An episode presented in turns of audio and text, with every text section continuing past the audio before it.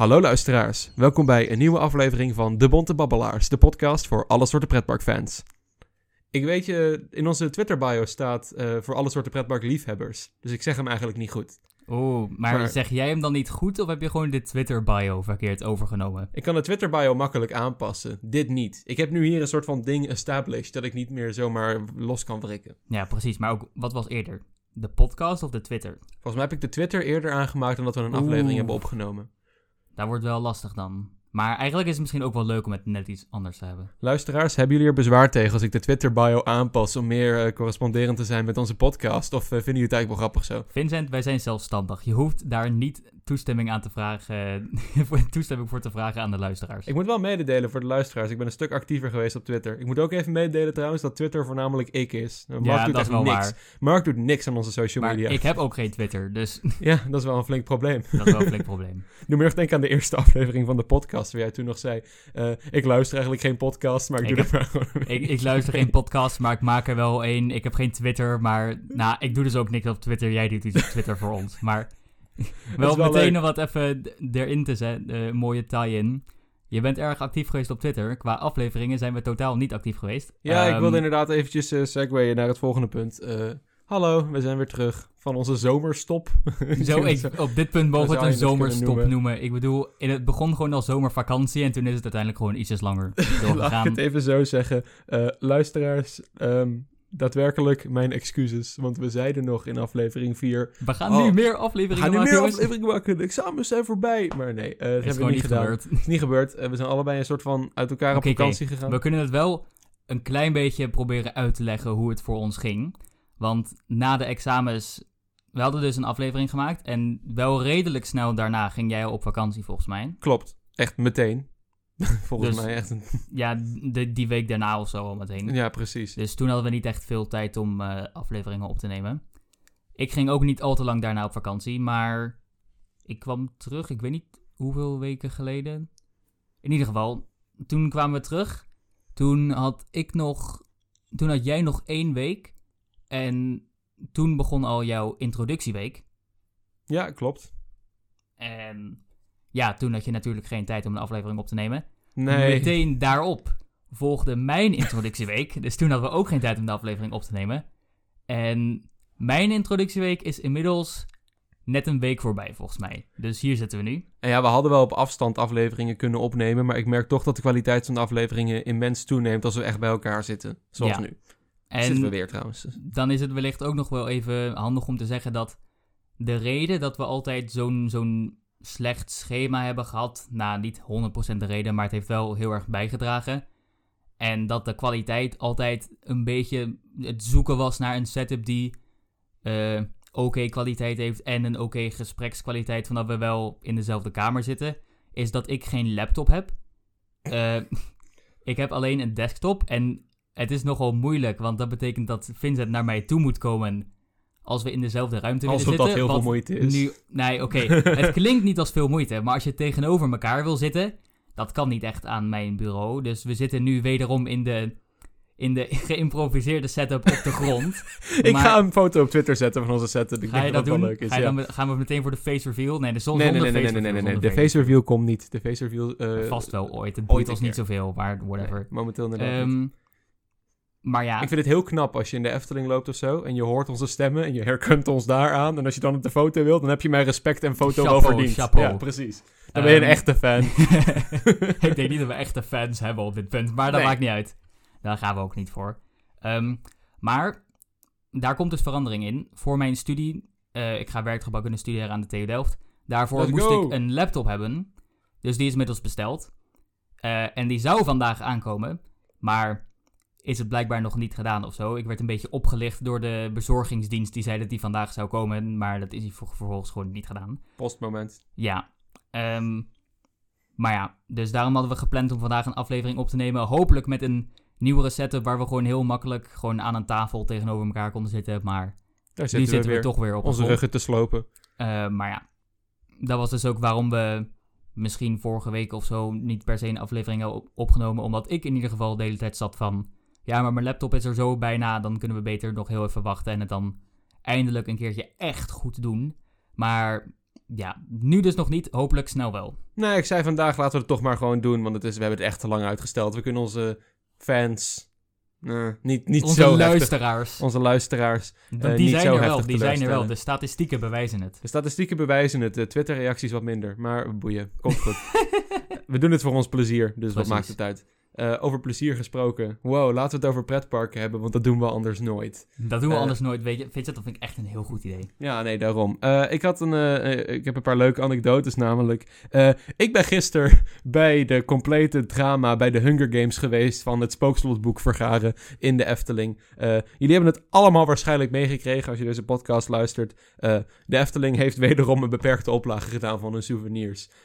Echt een hele domme zet. Eh, het Spookslotboek kwam uit, het, het 44 jaar Spookslotboek, om het afscheid van het Spookslot te vieren. En het idee van het boek was eh, om de herinnering van het spookslot altijd in stand te houden. Eh, en wat doet de Efteling? Beperkte oplagen. We gaan een waardig afscheid nemen van het spookslot, jongens, maar we gaan wel een beperkte oplage doen. Ehm, niet alleen verminder je dan je eigen omzet, want je verkoopt minder boeken. 2500 stuks in dit geval, om precies zijn, keer de 25 euro dat zo'n boek kost. Nou, dat is dan niet echt zo'n hele grote omzet, lijkt mij. Geen zin om het rekenwerk te doen. Ik heb er ook geen zin in. Nee, Maar daarom is het te laat daarvoor. En dan heb je daarbij, stel je je fans teleur. Nou is dat waarschijnlijk niet de Efteling's topprioriteit momenteel, maar het is wel jammer. En ten derde, je stimuleert de zwarte marktplaats, eh, zwarte markt, eh, enorm. Je hebt- Zwarte marktplaats. de zwarte marktplaats stimuleer je nogal. Mhm. Eh, het, hoe vaak komt het dan niet voor dat eh Kaatje uit Kaatsheuvel naar de Efteling gaat om een exclusief Efteling souvenir te halen, om het vervolgens voor triple de prijs op marktplaats te zetten, want er is geen enkele andere methode om het te doen. Maar ik ben er alsnog heen gegaan. Ik moet zeggen, zelfs als ik eh, geen boek zou hebben bemachtigd, had ik deze dag voor geen goud willen missen. Want het was echt een magische gebeurtenis. Het was een slagveld. je het hebt was prachtig. Een, je hebt een heleboel grappige momenten die je daar hebt meegemaakt en bij verteld. Ik weet niet of je daar een paar met de, met de luisteraars wilt delen. Oh, ik ga ze absoluut met de luisteraars delen. Het was fantastisch. Het begon al aan het begin van de dag. Toen mensen letterlijk aan de poorten stonden te hijgen dat die open ging. Het grappigste is nog, om, waarschijnlijk zijn er een paar mensen die luisteren, die hier extreem boos om gaan worden. Want jij had je verslapen. Ja, Je ik was er niet op tijd. verslapen. Ik was er inderdaad niet op tijd. Eh, En spoiler alert, je hebt toch een boek. Ik heb toch inderdaad een boek weten te bemachtigen voor onze Twitter-volgers. Die weten dat al. Eh, ik weet niet hoe lang wanneer deze aflevering uitkomt. Ergens eh, vlak na de opname, gok ik. Maar ik heb inderdaad een boek weten te bemachtigen. Ik heb beelden gezien op Twitter van medewerkers, van beveiligers... die gewoon echt omvergestampt werden door de hordes aan fans die kwamen. Maar het ding was een beetje... Er was geen plan. Er was geen organisatie. De Efteling zegt dan wel heel lullig... Ja, we hadden onderschat hoeveel mensen er zouden komen. Maar hoe kan dat nou? Hoe kun je niet weten dat er echt heel veel mensen gaan komen voor dat boek... als je de oplagen beperkt maakt? Ja, ten eerste oplagen beperkt. En er was al natuurlijk enorm veel, er waren enorm veel negatieve reacties Precies. Dus over dan- het je feit weet dat, dat, er veel er zo'n beperkte oplage zou zijn. Dus zelfs als ze het van tevoren niet hadden bedacht, hadden ze het door de reacties wel kunnen weten, zou je denken. Maar Ja, er ontstond al een klein probleem eh, aan het begin. Namelijk, de, de, de, de rij begon op de parkeerpromenade aan het begin van de dag. Toen de, het park nog niet open was. En de mensen wilden gelijk naar het spookslot toe. Dus er ontstond een soort rij op de parkeerpromenade. eh, en dan denk je, oké, logisch, dan hou je die rij gewoon aan. Maar het probleem was, van de parkeerpromenade naar het spookslot toe is nog een heel eind. En mensen gaan dan gewoon rennen. Die gaan zich niet meer aan de rij houden die op de parkeerpromenade natuurlijk ontstaan was. Dus dan wordt het al chaos. En dan krijg je ook nog dezelfde situatie bij de hekken van het spookslot. Heb je ook nog de verblijfsgasten die een half uur eerder naar binnen mochten. Dus een half uur eerder bij het boek konden zijn. Wat ook niet helemaal goed georganiseerd was. En er waren wel een soort van dwanghekken. Maar alleen echt op het allerlaatste stukje. Niet door de route van het park. Mhm. Plus de gigantische menigte aan, men- me- aan mensen verstoorde compleet de infrastructuur van eh, het gebied rondom het spookslot. De hele tunnel zat volgepropt met mensen. Je kon nergens naartoe. En dan het grootste probleem dat ontstond. eh, ik heb het nog aan de beveiliger nagevraagd. En die zei van ja, dat was ook niet helemaal de bedoeling. eh, was dat er drie verschillende rijen waren op een gegeven moment. Er zijn Ja. drie kanten naar het spookslot toe. Je kan Maar je, via je kan de- natuurlijk ook inderdaad via de, like, bij de Piranha en bij Precies. Max en Moritz. Dat is wat er dus gebeurde. Ehm, Mensen waren van, hé, hey, maar ik kan ook via de andere kant. Huh, shortcut. Nee, wat het was is, er was een rij die begon ongeveer bij Fabula. Dat was eerst nog echt bij Fata Morgana, want daar... eh, hij begon bij Fabula ongeveer, ging dus naar het Sterrenplein toe, het Spookslotplein op, door de poort, eh woep, hoekje om naar de Witte Walvis toe. Prima.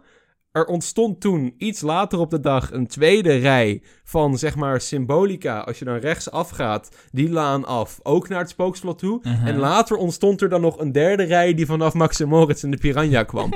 en die doorkruisten elkaar allemaal. Ik weet nog of ik je dat verhaal ooit heb verteld van dat er een, de rij van Vogelrok en Carnaval Festival elkaar kruisten. En dat ze een Ja, ja. daar neer hadden gezet. Het voelde precies zo. Het was zo chaotisch. Dan een soort raar systeem waar ze een hokje hadden gemaakt van hekken. Die ze dan af en toe open deden. Dan stroomden er mensen van alle drie de rijen naar binnen. Dan deden ze het weer dicht. Aan de voorkant was dan een soort sluis gemaakt van mensen met hekken.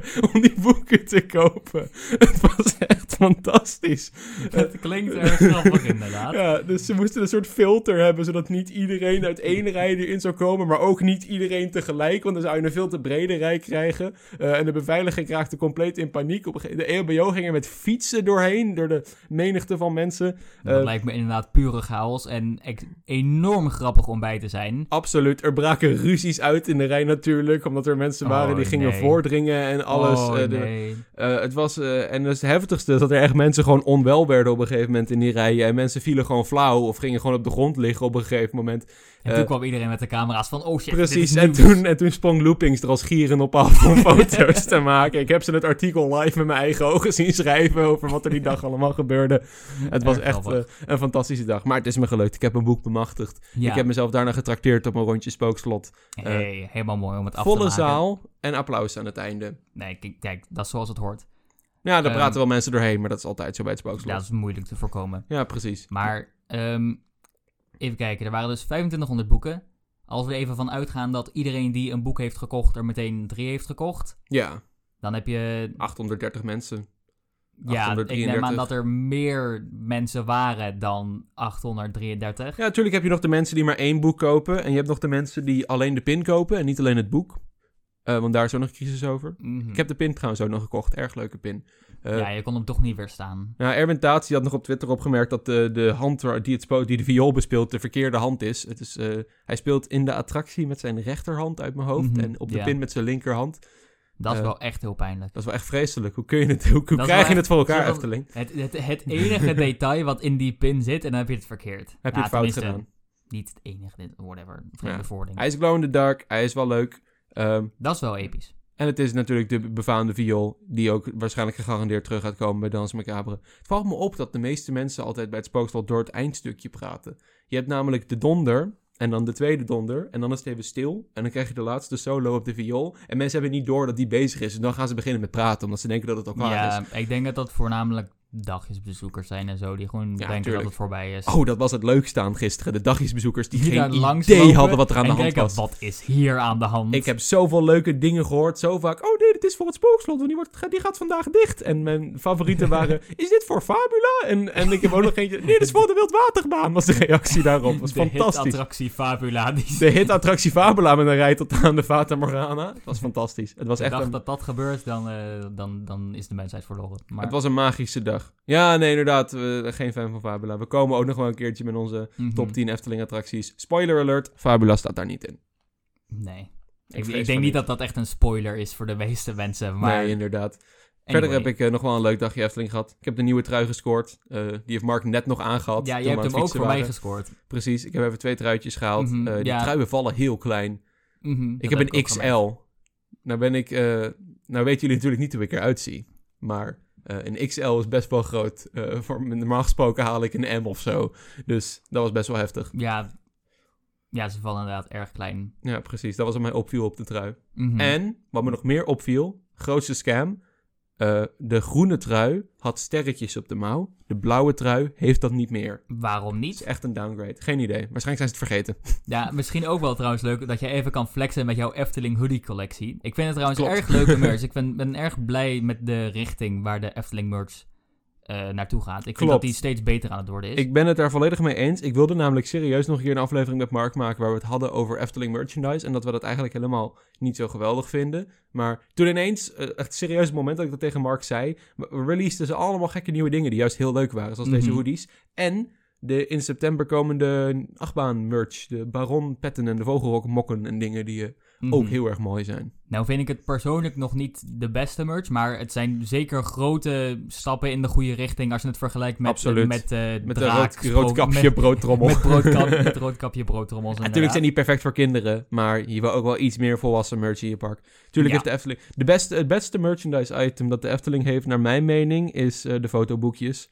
Die zijn gewoon erg Die goed. zijn wel heel erg Die zijn ook heel leuk om te verzamelen, dus dat... Nou heb jij inderdaad ook wel iets van een eh, kleine bias daar naartoe vanwege nostalgie. oh, dat, dat maar- verhaal ga ik inderdaad nog zeker een keer delen, maar dat is, daar is vandaag niet de dag Mhm. voor. Dat, daar, daar, daar, daar kun je lang over daar kan ik inderdaad heel lang over doorpraten. Dat ga ik zeker nog Is een ook keer voor doen. een groot deel de reden dat jij pretparkfan bent geworden. Precies, Maar daarom, daarom bewaar ik het nog voor een andere keer. Dat is, dat is een verhaal voor maar dat, lieve keer. kinderen, dat is weer een ander verhaal. Precies. Anyway, wat ik dus ging zeggen is dat jij even kunt flexen met jouw hoodie-collectie. Je hebt Ja. namelijk drie van de vier hoodies die ze hebben uitgebracht, volgens mij. Ja, klopt. Jij, jij hebt de grijze, de groene, nu de donkerblauwe en je hebt ook nog de lichtblauwe. Die heb ah, je die vond ik niet zo maar- mooi. Die heb ik niet gehaald. Ik Ja, ga er niet ben ik wel 40 met euro je voor neerleggen. Maar je hebt er wel drie nu. Dat is best een flex, vind ik. Ik vind het ook mooi. Het zijn, het zijn mooie, comfortabele truien. Mhm. Eh, dus ik eh, heb ze zeker meegenomen. En ik heb daarmee gratis reclame voor de Efteling gemaakt in Rome. Dus eh, hey, Efteling, waar is mijn geld? waar is mijn geld? Precies. Ja. Ik, wil, ik eis het geld van de hoodie terug. Mhm. Wat ik wel ook interessant vind, is ze, het lijkt dus alsof ze een klein beetje hebben geleerd van, eh, van wat er die dag is gebeurd met de drukte. Want ze hadden aangekondigd dat eh, zaterdag en zondag, de laatste dagen dat het spookslot nog open is, dat de wachtrij eerder dicht gaat. En dat ze dus ook eh, gaan werken met dranghekken voor een wachtrij buiten. Ja, Wat? De Efteling doet een crowd control? de, de Efteling doet aan crowd control. Ik weet het, dat is echt... Ik kan het bijna echt, niet geloven. Dat is wel echt serieus een revelation hoor. Dat doen ze Uh-huh. nooit. Op zich is het natuurlijk fijn dat de drukte zo beter wordt, eh, dat ze daar beter mee omgaan. Ik vind het natuurlijk wel een beetje jammer dat dat betekent dat de laatste ervaringen die men kan hebben met het spookslot gaat zijn dat je buiten in, in een dranghek staat. Ach Maar, ja, ik ja. moet eerlijk toegeven, de omgeving is nu toch al verknald met de bomen dat die is gekapt waar. zijn. Dat vind ik echt zo zonde. Ik snap ook niet. Hij de gaat sloop is dicht niet begonnen. in een week. Waarom zou je dan... Wat maakt die ene week uit om dan nu al de bomen te gaan Weet je wat ook heel gek is trouwens? Ze hadden alle, bloem, eh, alle bloemen, wauw. Ze hadden alle bomen gemarkeerd met een blauwe stip. Eh, en een blauwe stip in normale gemeentelijke termen houdt in dat je een boom behoudt. Maar alle bomen met een blauwe stip hebben ze nu omgehakt. Dus bij de Efteling is het gewoon complete anarchie. Stip is gewoon omhakken. Ze houden de bomen zo in spanning. Ze denken dat ze veilig zijn. En dan boem van achter. Wanneer je het het laatst verwacht, slaat de Efteling toe met de De boom, kettingzaag. de boom sterft. ja, precies. Rip de bomen rondom het spookslot. Het is echt een, een, een, een wereld van verschil hoor. Ja, ben jij, was dat nou ook al toen jij er was toen? Of, Nee, eh, nog niet. Toen nog niet. Nee, toen nog niet. Maar ik heb de foto's dus nu gezien. Eh, de omgeving was al een beetje verminderd toen Maxim Moritz kwam en het bos aan de rechterzijde van het Spookslotplein werd, weg- werd weggehaald. Maar nu is dus ook rondom het heksenpad verdwijnen er bomen. Vooral de rij achter het spookslot is nu een beetje verdwenen. En eh, de bomen op het plein zelf, waardoor de zon heel erg raar nu schijnt op het spookslot, Mhm. zoals ik dat nog nooit eerder heb gezien. Mhm. Er gaat Ik echt wel een groot stuk verloren. Ik denk dat misschien zelfs wel de klim opgesnoeid gaat worden voordat het gesloopt wordt. Het zou kunnen. Dat zou kunnen op zich. Dan wordt het wel ineens heel het erg niet. loodzachtig. Ja, we gaan het zien. Ik hoop dat ze het niet doen. Gewoon om het spookslot nog een beetje de eer te gunnen in zijn goede staat. In een nog soort van goede staat. Weet zijn laatste ik, eh, dagen te hebben. weet je nog toen ik de metafoor maakte van het oude familielid dat ziek is en dat je ziet aankomen, maar toch een beetje pijn doet? Ja. Dit voelt wel heel erg zo, dat de, de, de conditie Ja, van het familielid Is al aan het te verminderen. Ja, precies. Ja. Ehm, Ehm, maar ja, ik ben van plan om deze vrijdag weer te gaan. Dus ik zal je dan waarschijnlijk vertellen wat ik ervan vond. En ja. we zijn natuurlijk van plan om er zondag bij te zijn. We zijn er zondag bij. Als je op de foto wil met de bonte babbelaars, dan kan dat zondag. Dit is je kans. Ehm, maar ja, ik denk we gaan vast ook dat nog wel. Misschien niet een hele aflevering, misschien ook wel. Hangt er vanaf wat er allemaal gebeurt. precies. Ehm, maar ja, dat gaan we zeker ook nog in een toekomstige aflevering eventjes benoemen over wat onze ervaring was met de sluiting van het spookslot. Helaas hebben we geen tickets gewonnen voor de spooknacht. Ik vind dat Oh nog ja. steeds een beetje vervelend hoe ze dat geregeld hebben dan. Want in de aankondigingsmail waarin ze zeiden dat je deel kon nemen en dat soort dingen, stond er van hoe sneller je tijd, hoe meer kans je maakt om erbij te zijn. Wij natuurlijk als nou moet ik eerst eventjes doorgeven dat Mark echt een gamer ten top is. dat eh, hij de koning der speedruns is. Dus hij dacht, weet je wat? Wij als extreme pretpark-nerds gaan er natuurlijk voor zorgen dat we gewoon een hele goede tijd halen. Om zo hopelijk eh, onze kans zo groot te maken om erbij te zijn dat het wel moet lukken. Dus Wat was je ik, tijd, Mark? ik weet niet of de mensen die luisteren hun tijd nog weten. Mijn beste tijd was 1,7 seconden voor alle zeven sleutels. En ik was sneller geweest als ik niet gelimiteerd was door mijn internetsnelheid. Want de pagina's laden gewoon niet sneller dan dat. Je, Maar- was t- je schoot sneller dan je schaduw. Ja, oprecht. Ik, ik, ik- de pagina was nog niet geladen en ik was al aan het klikken. Ehm, eh, maar we hebben dus geen tickets gewonnen, helaas. En we hebben ook met meerdere e-mailadressen het natuurlijk geprobeerd om proberen onze kans te vergroten. En je kon twee keer proberen per e-mailadres. Dus we hebben denk ik iets van zes acht, ik weet niet met hoeveel e-mailadressen we dat hadden gedaan. In ieder geval meer dan zes eh, keer deelgenomen met een erg goede tijd. En toch nog niks gewonnen. Dus ik vind het een klein beetje jammer dat ze dan hadden valse hoop bij ons hadden opgewekt door te zeggen hoe sneller je tijd, hoe groter je kans. Wat, of we zijn dus nog gewoon heel erg unlucky geweest. En Ja, you, you win some, you lose some. Er waren 2000 plekken beschikbaar. Dat is echt heel weinig. Dat is waar. Efteling-fans. dat er desondanks, ik vind het erg jammer. Ik vind het ook wel jammer. Ik maar ik kan ermee leven. Ja, ik bedoel, het is niet het einde van de wereld, maar ik vind het nog steeds Het is jammer. wel het einde van het spookslot. Waarom moet je me er weer aan herinneren? Nou, ik moet wel toegeven, het komt nu echt wel hard binnen hoor. Als ik zo het spookslotplein zie zonder al die bomen en de kaalslag en het loodserige. En ik zie ook dat ene stuk lelijke gaas wat ze nooit gerepareerd hebben. dat, dat is niet zoveel beter te zien omdat het niet meer in de schaduw is. Ja, precies. Dus het, het komt nu echt wel hard binnen. Van, oh man, dit, dit, het gaat echt verdwijnen. Het is zover. Eh, dan eh, denk ik, denk, denk jij dat je een traantje gaat laten op de laatste dag van het spookslot? Een traantje laten denk ik niet. Maar ik denk wel dat echt de realisatie komt van inderdaad het, het persoonlijk daar staan. Zien in wat voor staat het plein zich nu bevindt. En dat zoveel van de sfeer die daar ooit was nu gewoon weg is. De bouwketens en containers wij eromheen, weet wij je wel. waren er ooit eh, dit jaar nog eh, ergens in de avond. En het was aan het waaien. En we, waren, we hadden gegeten bij Bekkerij Krummel. En toen was het al best wel donker. En het was, er waren nog heel weinig mensen in het park. Wij dachten, wij gaan even langs het spookslot lopen. Want het waait nu ook. En we wisten dat het wegging natuurlijk en zo. Dus we wouden nog even de volle sfeer pakken. Het was aan het waaien. eh, het was donker. Er was niemand. Het was zo sfeervol. De bomen die waren helemaal aan het, aan het, aan het bewegen. En het bord was hard aan het slingeren. Dat hebben we zelfs nog een filmpje van gemaakt. Omdat het zo sfeervol was. Ja, Alles klopt. van die sfeer. Ik herken er nu niks meer van als ik kijk naar de foto's. Ik ook niet. De complete kaalslag heeft dat verpest. Het is gewoon zo, dat, dat zeg jij altijd, fijn Mark, dat de Efteling is misschien goed in gebouwen laten lijken alsof ze er eeuwig staan, maar natuur rondom een gebouw speelt daar zo'n grote rol in, dat als je een gebouw er oud uit laat zien, maar er staan van die jonge 1 meter hoge boompjes omheen, dan is dat gevoel gewoon onmiddellijk weg. Mhm. Het is echt heel naar. Ik denk ook, ik, ik heb het gevoel dat een stuk van de, mysterieuze magie van het spookslot verloren gaat met de sloop. Eh, ik heb het heel vaak over Eftelings dramatische effect van ruimtes groter laten lijken door deuren die nergens naartoe leiden. Nu komen de muren naar beneden en zien we dat het allemaal nep is. En zien we dat die ruimtes ook daadwerkelijk nergens naartoe leiden of naar dienstruimtes of naar lelijke houten trappen waar piepschuim tegenaan geplakt zit en met permanent marker opgeschreven staat druk op deze knop en trek aan dit touwtje.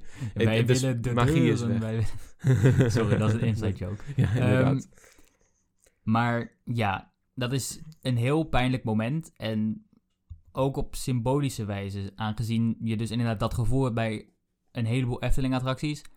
En dit is de allereerste keer dat die magie in de Efteling doorbroken wordt. Het is ook zo heftig dat het, het Als in echt doorbroken. Ja, het, het, het, het, het- het wordt naar het daglicht gebracht, weet je wel. Ja, je hebt natuurlijk allemaal wel behind the scenes dingen van sommige attracties en dat soort dingen.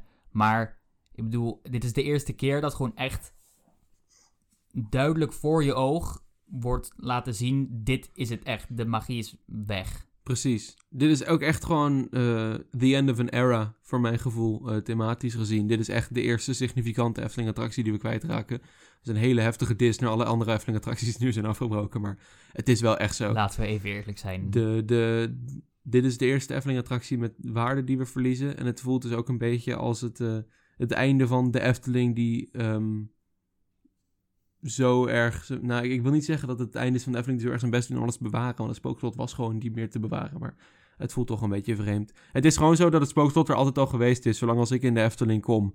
En het, eh, vooral het gebied rondom het spookslot is even mijn favoriete plekjes. We vallen een beetje in herhaling met onze spookslot aflevering nu. Maar eh, we gaan er ze- we waarschijnlijk hebben nog gewoon vaak een beetje een, eh, een, een realiteit hit van dat het nu echt binnenkomt van, ja, oh, het gaat echt jongens, weg. het Jullie maken nog- het live mee. Het is vandaag woensdag dat we dit opnemen.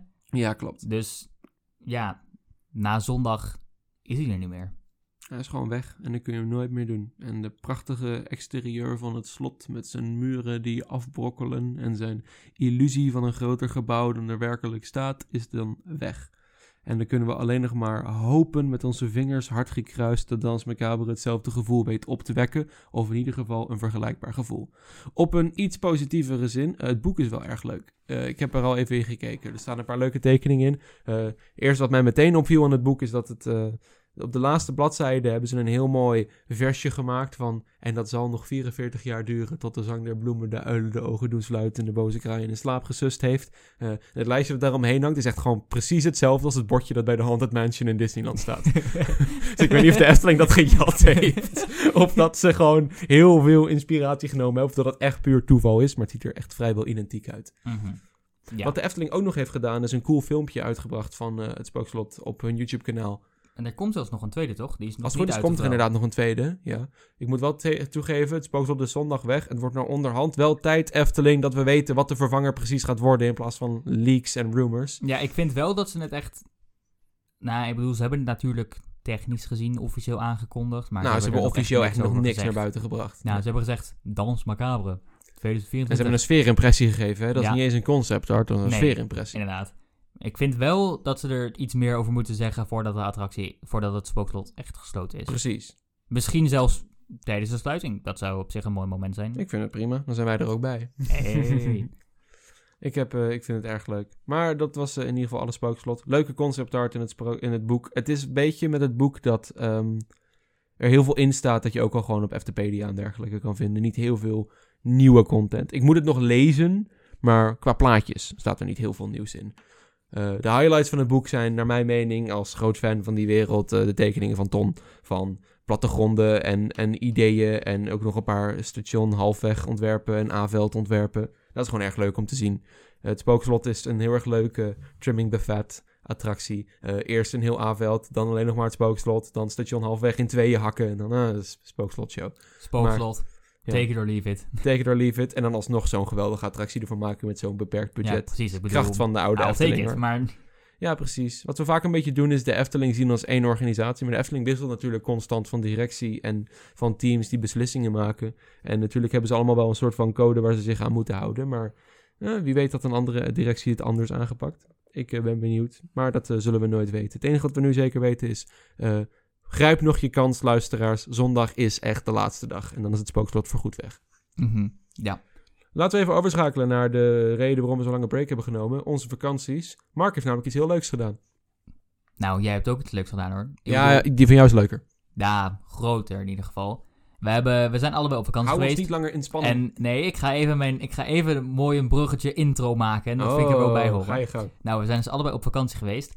En voor ons is op vakantie gaan met onze ouders eh, tot nu toe altijd eigenlijk de enige mogelijkheid geweest om echt parken in het buitenland te bezoeken. Ik bedoel, België kunnen we op zich nog zelf doen, misschien de grens van Duitsland, maar verder wordt Wacht het echt maar tot een van ons een rijbewijs heeft. Ja, ja, maar nu zijn we ook 18 rijbewijs, nu gaat dat allemaal veranderen. Maar tot nu toe was vakantie met ouders eigenlijk de enige, enige mogelijkheid om echt Dank jullie wel, ouders. Dank jullie wel. Om echt eh, parken ergens anders in Europa te doen. En dus ook dit jaar zijn we allebei eh, naar een pretpark geweest. Yeah. Bij onze vakantiebestemming. Jij bent eh, naar een boel plekken geweest op je vakantie. Maar, Ik heb wel een avontuurtje beleefd, ja. eh, nou, voornamelijk dat de plekken heel verschillend waren. Daarom. Ja, precies. maar eh, onder andere Noorwegen. En dus ben je naar Tussenfroet geweest. Ik weiger het zo te Je hebt noemen. letterlijk me er net op gewezen dat het blijkbaar niet tussenfriet is, maar tussenfroet. Ja, dat klopt. Maar ik, ik, ik weiger gewoon te accepteren dat het niet Tussenfriet is. Want ik vind het gewoon zo'n leuke naam. Dus ik ga het lekker Tussenfriet blijven noemen. Uh-huh. Ehm, en ik ben naar Polen geweest, onder andere. En naar Energylandia dus.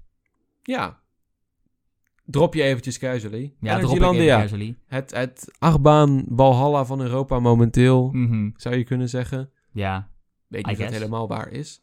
Ik zou zeggen, Mark, vertel wat over Energylandia in Zator, Polen. wat was dat voor gek nieuws intro? Geen wat je idee. zojuist hebt gedaan. Geen idee. Oké, nou ik zal wel even kort eh, mijn ervaring met Energylandia samenvatten. Hoeft niet kort hoor. Nou, oké, nou weet je, ik zal het soort van kort houden. Ehm, wat ik erg belangrijk vond van tevoren was om zelf ook niet al te hoge verwachtingen te hebben. Of als in niet per se al te hoog. Ik wist gewoon niet echt wat ik moest verwachten. En ik wou ook graag niet per se een specifieke verwachting hebben. Want ehm Energylandia staat er natuurlijk een beetje onbekend. Om zeker binnen de Europese pretparkwereld. Europese pretparken zijn over het algemeen heel erg goed in thematisering. En Energylandia was in dat opzicht toch wel een beetje een vreemde eend in de bijt. Namelijk, zij staan een beetje bekend om niet zo goed thematiseren. En voornamelijk gewoon acht banen neerkwakken. En supersnel uitbreiden. Ik bedoel, ze zijn pas geopend in 2014. Dus beetje de Amerikaanse methode in die Ja. zin. Het is een beetje een cultuurdingetje. In Europa zijn we wat meer van de belevenissen, van de sfeer en van het Mhm. escapisme. In Amerika zijn we wat meer van de dolharde, felle kleuren, Mhm. commercie en entertainment. Ja. Dus, Ehm, maar ik wist wel dat de afgelopen jaren, dus eh, met Zadra, volgens mij heet het gebiedje daar iets Smottigrot of zo. Waarschijnlijk heb ik dat ja, echt ja. compleet verkeerd uitgesproken, CS, maar dat maakt me niet uit. Ehm, en natuurlijk Aqualantis met Abysses. Dat de, de thematisering van reviews en alles wat ik heb gehoord, zou daar wat beter moeten zijn. Maar ik wist dan ook weer niet hoe goed het zou moeten zijn. Dus ik probeerde daar een beetje zonder verwachtingen naartoe te gaan om een beetje te kijken hoe het is. Ehm, het eerste gedeelte van het park, oké, dus de nieuwste gebieden, dus het gebied van Zadra en het gebied van Abysses, liggen echt helemaal aan de achterkant. En je, daar moet je zelfs onder een weg door, onder een autoweg door met een soort tunnel om daar te komen. ja, daar heb ik straks nog wat over te zeggen. Maar dan Ja, door, dat was ook door. een beetje vreemd. Eh, maar dus het hele gebied voor, eh, dus de autoweg, vond ik inderdaad qua thematisering niet echt indrukwekkend. Ik bedoel, een paar attracties hadden een klein beetje thematisering. Het was een beetje, ze zijn het wel de afgelopen jaren aan het verbeteren, volgens mij. Maar ja, eigenlijk de, de beste manier om het te omschrijven. Persoonlijk vond ik het echt gewoon een, een soort rollercoaster tycoon. Of, Ja, eh, dat wil ik dus eh, ook Planet zeggen. Coaster pretpark. Oh mijn god, Energylandia voelt echt gewoon precies als een, een guy die gewoon Planet Coaster aan het spelen is. Ik vind het vooral als je van boven kijkt en dan ziet hoe Zadra gebouwd is en het gebied van Zadra aan de rest van het park vast. Uh-huh. Mijn god, de, de manier waarop ze ook flat rides er zo tussendoor gooien. Gewoon echt low-key kermisattracties als een booster die ze Daar random booster voor de capaciteit. Het hele verschil tussen kermis en pretpark is dat kermissen, omdat je per attractie betaalt, geen moer geven om de capaciteit. Want je betaalt er toch gewoon voor, dus ontstaan niet zo vaak lange rijen. Vaak zijn upcharge attractions, zoals de Skydiver in Walibi of de Catapult in Duinrel, attracties met een hele slechte capaciteit. Want je betaalt ervoor, dus ontstaat er geen lange rij. Eh, maar Energylandia is van, nah, boeien, hoe meer capaciteit, hoe beter. We pleuren hier gewoon een booster neer. Ja, die heeft inderdaad echt een hele slechte capaciteit. Ja, maar dat is, er het is een booster. Er Ja. kunnen acht mensen per keer in of zo. Het is... Maar ja, ehm, dus de reden waarom ik het daarmee vergelijk is dat, zeker vergeleken met iets als de Efteling, de attracties staan super dicht bij elkaar. Ehm, Heerlijk. ja, nou, niet echt. Maar Ja, dat was lichtelijk sarcastisch. van een Efteling-liefhebber komende. Ja, natuurlijk. Ehm, op, zich, ik vond het wel een hele interessante ervaring. Dat je, want het ding is wel, je kunt zoveel zien. Er is, waar je ook kijkt, is er altijd wel iets van een achtbaantrein in beweging of een andere attractie aan het draaien. En dat vond ik dan wel weer een, een leuk aspect daarvan. De kracht van kinetische energie. Ja, zeker. Eh, het was wel heel levendig daardoor, inderdaad. Ehm, maar ja, dus bijvoorbeeld, eh, er was een, een soort splash-achtige attractie. Die had dan een klein beetje een soort steenachtig ding als station. Wat Meer een soort steen, Maya... meer steenthema. Met steenthema. Maar, Sorry. sorry, dat was weer een inside joke. We moeten dat eigenlijk minder gaan doen, denk ik. Maar, Nee, nee, nee, komt goed, komt goed. oké, anyway. Deze snappen mensen misschien wel. Pretparkgekkies compilatie. maar ja, ehm, dat was dus een soort Maya-tempelachtig iets, maar dan op hele kleine schaal natuurlijk. En ja, dat was het wel eigenlijk. Ehm, ja, dat soort dingen moet je meer denken. Ik bedoel, Formula. Dat is een, een lanceerachtbaan van Vekoma. Die heeft een beetje vergelijkbare thematisering met de Formule X. Dus dat is ook niet bepaald geweldig. Uh, Echt dezelfde vibe wachtrij heeft het ook gewoon. Met die hekjes waar je zo doorheen ja, gaat. daar lijkt het inderdaad heel erg op. Ja, precies. Heeft hij ook niet Ehm, zo'n mooie blue... eh, ik- ik zou mezelf moeten slaan voor dit zeggen. Blue Fire-achtige launch sequence... waar van die poppetjes zo om de baan staan. Er staan Even poppetjes langs de baan met like, van die racebanden en zo. Ja, Maar- precies En er is wat dat. mist, maar Oei. ja, ook. nou, anyway. prachtig. Ja. Ehm, maar dus de thema is... Ja, nee. Het eerste gedeelte van het park is qua thematisering niet, niet echt geweldig, zou Ze hebben een rapid... Die dat... Ben je aan de rapids geweest? Nee, daar ben ik niet in Oké, geweest. gelukkig. Want ze hebben één rapid die letterlijk gewoon zo groot heeft... die ook in een zwembad hebt bij de stroomversnelling. en daar hebben ze dan de thematisering bovenop gezet. om het te proberen te verbergen, maar het faalt Mhm. compleet. Oké, maar dus eh, van dat gedeelte wist ik wat ik ervan moest verwachten. Maar van het gedeelte achter de, achter de weg, de wat nieuwere gebieden, wist ik het niet helemaal. Ehm, en misschien is dit wel leuk om een beetje het, contrast te laten zien. Ik was daar met een groep van vier. Ikzelf natuurlijk en drie anderen. Die drie anderen waren alle drie geen pretparkfan. En dus misschien is het wel leuk om even te laten zien hoe ik erover dacht en dan hoe zij erover dachten. Zeker. Want ik vond die twee gebieden een beetje teleurstellend. Terwijl de rest van mijn groep vond het gewoon wel prima. Ik bedoel, ik had ze erop voorbereid dat er niet echt veel thematisering zouden zijn, zou zijn. Maar zij vonden het gewoon best wel goed. Ja. Dus ja, nu zal ik een beetje in wat specifieker gaan uitleggen wat ik van die gebieden vond en waar de problemen zitten. Eh, wat ik dan vind. Ten eerste vond ik het heel vreemd dat Zadra zit echt gewoon naast het dorpje.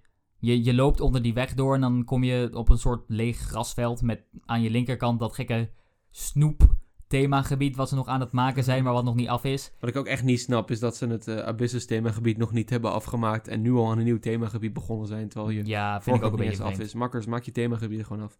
Mhm, inderdaad. Maar dus je hebt, je hebt dan een klein paadje en dan kom je bij de, bij, de, bij de toegangspoort tot het soort middeleeuwse dorpje wat het is. Het is eigenlijk gewoon één straatje met aan beide kanten wat huisjes. Ehm, Een, eh, een, een grote afstand van Kloekheim eh, in die zin. ja, in dat opzicht, nou, maar ik bedoel, er zijn weinig themagebieden die ook maar in de buurt van Kloekheim kunnen komen. Maar Dat is waar. Leuk Mhm. onderwerp voor een aflevering. ja, zeker. Ehm, wij zijn toevallig ook misschien twee van de grootste Kloekheim-fans die er zijn. Maar anyway. Ehm, maar dus Zadra staat daar gewoon... dat niet weet. maar Zadra staat er gewoon echt compleet los van. Als in, van de rand van de huisjes van het straatje naar waar Zadra begint, is echt gewoon iets van 20, 30 meter. Zo, Zadra staat er gewoon echt best wel ver vandaan. Hallo en de- trouwens, waar het in het Gilandia ook onbekend staat, de absoluut onnodig lange wachtrijen van bijvoorbeeld Zadra. Het is echt zo. dat ik heb, voelt echt heel rollercoaster tycoon-achtig. ik, ik heb langer in die rij gelopen dan gestaan.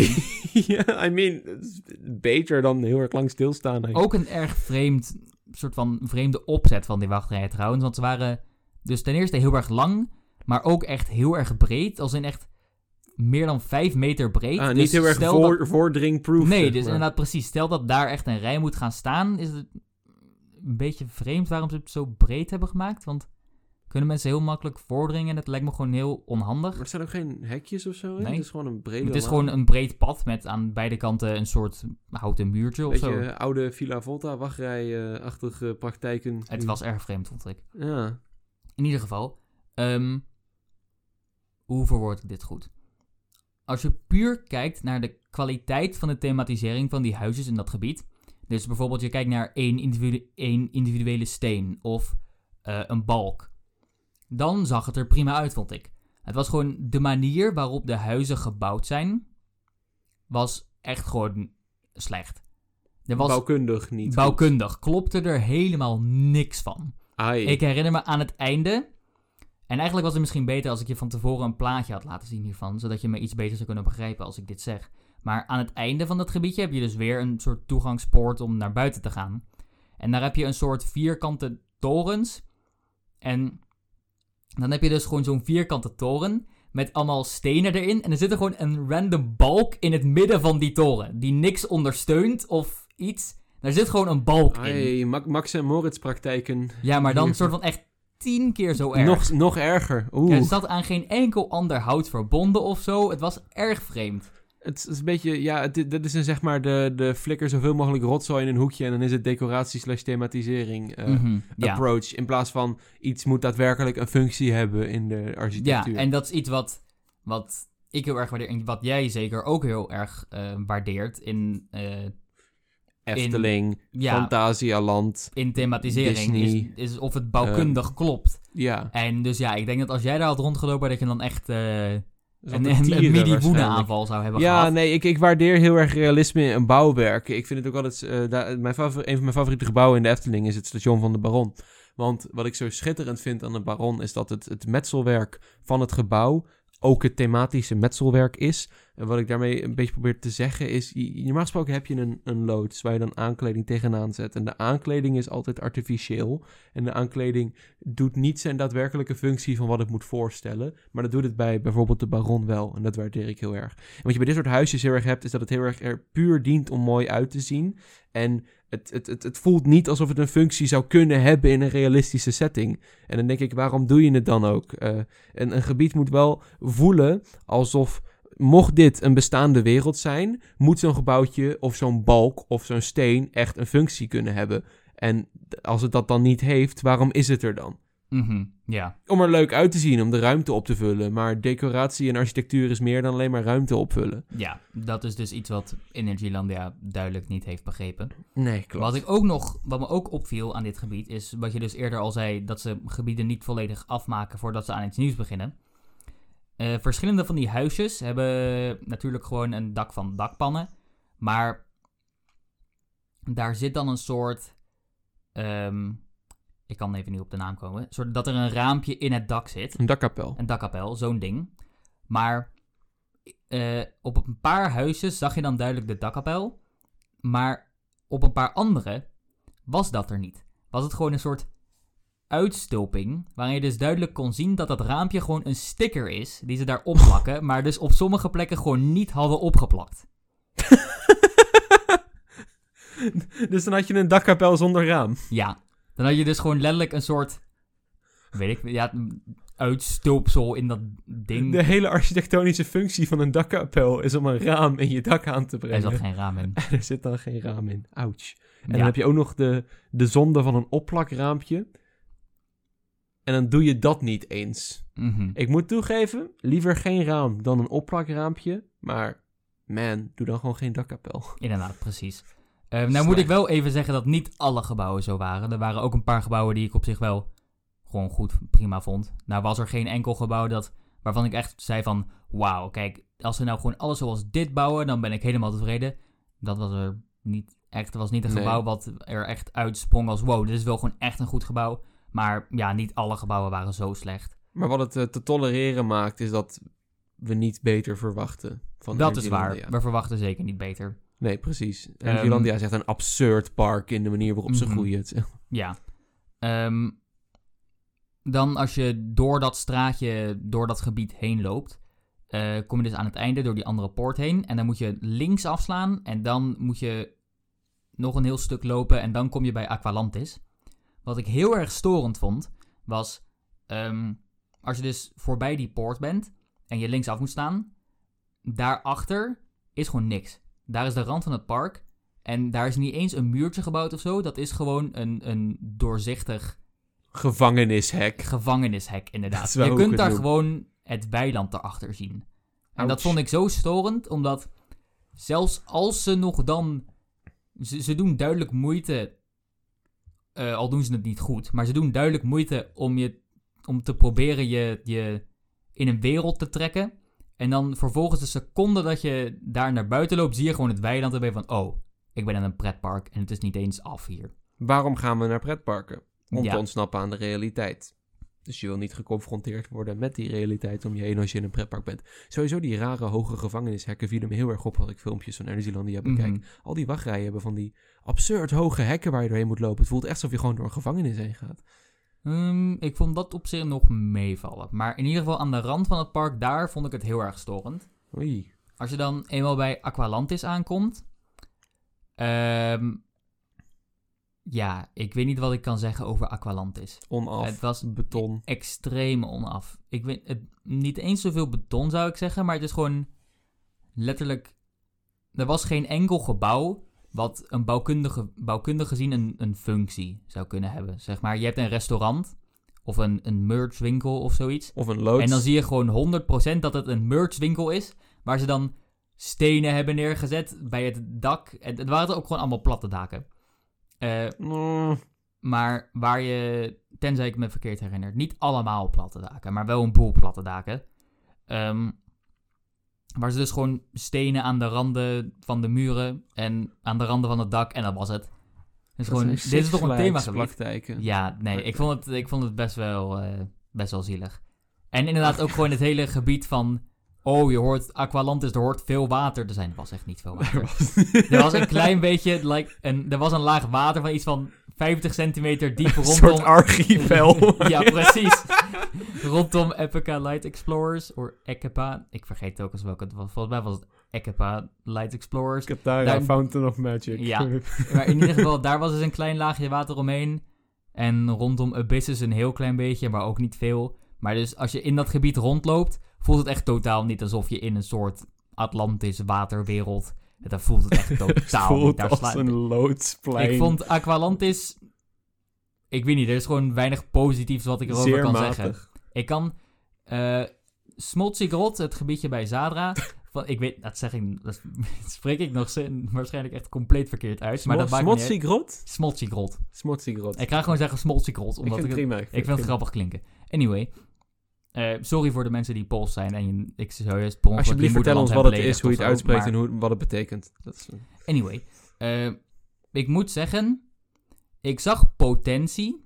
Als in de paar huisjes die wel oké waren als ze gewoon alles... Ik zie jou hier gewoon bijna stuk gaan van het lachen volgens mij. Ja, maar, ik moet het heel erg inhouden. maar in ieder geval, als ze meer zoals die paar huisjes zouden gaan, dan, dan ben ik blij. Maar van wat ze tot nu toe hebben neergezet, ben ik niet onder de indruk. Oké, maar buiten de thematisering. Als je Zadra's wachtrij van epische proporties hebt getrotseerd, eh, hoe was Zadra? ik vond Zadra heel erg leuk. Mooi. Ik moet zeggen, ik denk dat RMC's niet, mijn, niet echt mijn type achtbanen zijn. Ja, iedereen... dat kan toch niet? ja, precies. Ehm, maar nee, ik bedoel, ik vind de, de beugels zijn gewoon niet zo comfortabel. Verder, ik vond het heel erg grappig. Ik zat, ik zat daarin naast mijn zus. En je kunt Zadra wel echt gewoon overal zien vanuit die wachter. Je gaat er helemaal onderdoor en je kunt het al zien vanuit gewoon een heel groot gedeelte van het park. We gingen die lift heel op. En we waren bijna bovenaan en ze zei, wacht, deze gaat naar beneden? Ja, dat, ik ging helemaal stuk daardoor. Ze gaat naar beneden. Is dat niet wat achtbanen meestal doen? Ja, dat dacht ik dus ook. Maar weet Ja. je, blijkbaar had ze dat niet zo bedacht. Maar nou, nou komt de, de grote gewetensvraag natuurlijk. Jij bent in Untamed geweest, jij bent in Wildfire geweest en je bent in Zadra geweest. Dat klopt. Nee, ik, heb al de Ehm, Infinity Stones van Europa. Exactement. Je hebt eh, alle RMC's van Europa gedaan. Welke is de beste? Zadra. Nou is het een tijd geleden dat ik Untamed heb gedaan. Dat moet ik wel zeggen. De laatste keer was 2019 zelfs. Oh man. Dus dat moet ik echt snel weer een keer gaan doen. Ik heb hem vorige week nog gedaan. Ja. Aha. Je had mij niet uitgenodigd, maar Shh. nee, dat maakt niet uit hoor. Maar ja, ik vond Zadra de beste. Ik weet niet. Zadra was, eh, had hele goede pacing. Ik bedoel, daar staat hij wel echt onbekend. Maar, eh, soort van, er waren nul dead spots op Zadra. Soort van, vanaf het moment dat je dropt, is er elk moment wel iets van een kracht die op je lichaam werkt. Die, die eh, ja, dus die je engaged houdt en die iets met je doet. Eh, dus de drop, dan de, de bunny hill, dan ga je omhoog. De, die drop rondom de turnaround krijg je oprecht airtime op. Dat had ik van tevoren niet verwacht. Maar dan heb je de stal. Ik moet zeggen, de stal van Wildfire vond ik beter. Oh, maar die is magisch. Die is inderdaad magisch. Maar die van Zadra is, ik weet niet, volgens mij is die hoger. Ik weet niet zeker. Maar die van Zadra heeft natuurlijk het hele coole effect dat je niet omringd wordt door supports. Dus ik dacht dat dat cooler zou zijn, aangezien je dan gewoon heel mooi om je heen kunt kijken. En in ieder geval, de stal duurde veel korter dan ik had gewild, eigenlijk. Eh, maar ja, ik weet niet. Ik vond Zadra, om eerlijk te zijn, een klein beetje teleurstellend. Ik zou niet zeggen dat ik echt, echt een standout moment had op Zadra. Zoals ik bij Wildfire wel echt de stal gewoon Maar nog steeds wel de beste van de drie. Ja, ja, dat wel. Ik Ah, vond het de meest complete Ah, op die manier. Want je, je hebt inderdaad wel op Wildfire een paar dead spots. eh, Ja. Om het maar even zo heel eh, oneerbiedig te noemen. Mhm, Ja, en Zadra, de pacing is zo goed van begin tot eind. Hij, hij is gewoon plankgas en Goede elementen. Of- Mhm. Ja, ja, zeker En, goed. ehm, dan even de snelst gewetensvraag. Top 3 RMC's van Europa. Zadra nummer 1. En dan... Zadra nummer 1. Ik denk aan die andere twee kan ik beter niet beginnen, omdat het zo lang geleden is dat ik Untamed heb gedaan. Maar ja, ik denk Als je Untamed en dan. Wildfire. ja oké. Ik heb een teen dus laatst nog gedaan. Het viel me op dat die... Wat vond Nu- jij dan, nu- Untamed of Wildfire?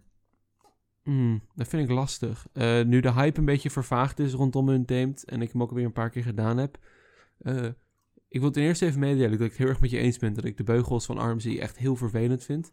Eh, want als eh, voor de luisteraars een big reveal, ik ben eh, ongeveer 1,85 en na het 14e airtime moment op Untamed voel je dat echt wel in je benen. Ehm, Maar heb je het dan ook specifiek over die, di- over die dingen bij je scheenbenen of ja, niet? echt die dingen bij je scheenbenen. Als ik Untamed ga kwanten, dan heb ik echt blauwe plekken op een gegeven moment. Ja, ik heb daar gelukkig geen last van. Ik ben wat kleiner. wat mij allemaal opviel over Untamed de laatste tijd. ehm, de drop is beter dan ik me herinnerde. Ehm, maar het is vooral gewoon wat ik met Untamed een beetje heb. Is hij voelt een beetje semi. Eh, het is zeg maar airtime moment. en Airtime moment. En dan Heel weinig moment. variatie. Er is heel weinig variatie inderdaad in Untamed. En dat mis ik een beetje. Er is heel weinig en onvoorspelbaarheid in. Untamed. Eh, hij heel voelt heel weinig erg... whip. Ik denk dat ook in dat opzicht... eh, de baan voelt veel minder dynamisch. Ik heb zo'n zin om de Ride to Happiness te doen. Ik denk dat dat heel erg geeft wat ik bij dit soort achtbanen nu heel erg mis. Die onvoorspelbaarheid en die dynamiek. Nou, dan moeten we snel een keer naar, eh naar Plopsaland. En hierbij maken wij bekend de Bonte Babbelaars Plopsaland Trip 2009. Ja, maar was het maar zo'n feest. Maar Was maar zo feest. ehm, het is wel zo dat Untamed een beetje semi begint te voelen nu. En nu, zeker nu de hype is weggevaagd, eh, vind ik het nou, prima. Vind ik het nog steeds de beste achtbaan van Nederland? Ik denk het wel. Wat zou het anders zijn? Ja, inderdaad, dat is lastig te zeggen. Ik denk een... eh, ja, het hangt een beetje van... Lost Gravity, ik bedoel als je puur kijkt naar layout natuurlijk. Maar Mm, ja, nou, Lost Gravity begint een beetje een nare rattle te krijgen. gekregen. Dus Precies. als hij al een contender was vroeger, wat ik vond hem vroeger oprecht super leuk. Ik heb hem Ik, sindsdien dus nou, ik niet vind meer het nog steeds leuk maar- natuurlijk, maar niet meer zo Ja, geweldig ja, maar ik bedoel, ik vond hem vroeger echt borderline Outstanding, beter dan eh, Untamed inderdaad. Misschien zelfs wel. Oeh, bold, bold Nou, statement daar. Dat misschien niet helemaal. Maar ik bedoel, ik vond hem als in echt gewoon echt geweldig. Ja, ik vind ehm, hem ook echt heel goed, Lost Gravity. Oké. Nog steeds. Ik vind ook...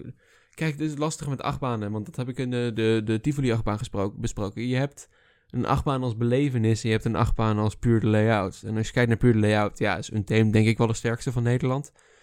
Ik denk niet de sterkste van de Benelux. Ik denk dat dat dan toch wel echt de Ride to Happiness gaat zijn. Ik heb hem nog niet gedaan, maar Hoogstwaarschijnlijk wel, ja. ik heb daar echt hoge verwachtingen van. Als je andere mensen hun reviews mag horen, dan inderdaad wel. En als ik ook, ik ken Mack Rides en ik, ik, ik heb een grote voorliefde voor launch coasters en voor spinning coasters, dus dat gaat fantastisch zijn. Ja, bij mij is uh, Taron nog steeds uh, op top. Taron Reigning Supreme. Nog altijd. Wat is het bij jou op de top momenteel? Zadra. Toch wel Zadra, ja. Nummer 2 Hyperion, denk ik. Oh ja, die heb je ook natuurlijk nog gedaan. Hoe was ja, die? die heb ik ook gedaan. Uh, ik heb hem gedaan in de regen. Heeft Hyperion Front trouwens ook zo'n in de mooie- regen. Dat was een Oh. ervaring. Ik heb maar één keer kunnen doen. Uh, daar moet ik natuurlijk wel eens even bij zeggen. Wacht, hoe vaak heb je Zadra gedaan? Eén keer. Oh, oké. Okay. Wel een backrow, maar... Oké, okay, dat is netjes. Was... Nee, het was semi-backrow. Close enough. Goed er was een of ander irritant ja. meisje wat mij, had ge... wat mij had verslagen bij het sprinten naar de dinges. Omdat de deur... Oké. Eh, we stonden met z'n tweeën naast die deur. Ja, ik ben oprecht gefrustreerd. Eh, er het was een soort schuifdeur vlak voor het station. En de deur ging open van links naar rechts. En zij stond links en ik stond rechts. Dus zij kon gewoon voor mij weg gaan rennen. Anders had ik dat kind... Ehm, anders was ik voorbij dat kind gerend om achterin te gaan zitten. Maar ik zie jou weer moeite doen om niet stuk te gaan. Ja. Maar Ik, ga, Ehm, ik denk terug aan toen we in Kolmorde waren en er een kind eh voordrong eh, bij ons in de wachtrij. Je- en je- wij, pikten dat niet. En vooral jij pikte dat echt niet. Nee, ik kan het echt niet hebben als mensen gaan vorderingen. Nee, nee, ik ook natuurlijk niet. Maar de manier waarop je dat kind toen aansprak was hilarisch. Het was fantastisch. Eh, maar nee. eh, ik was oprecht pissig. En dan heb je eerst nog die nare ervaring met die kluisjes gehad.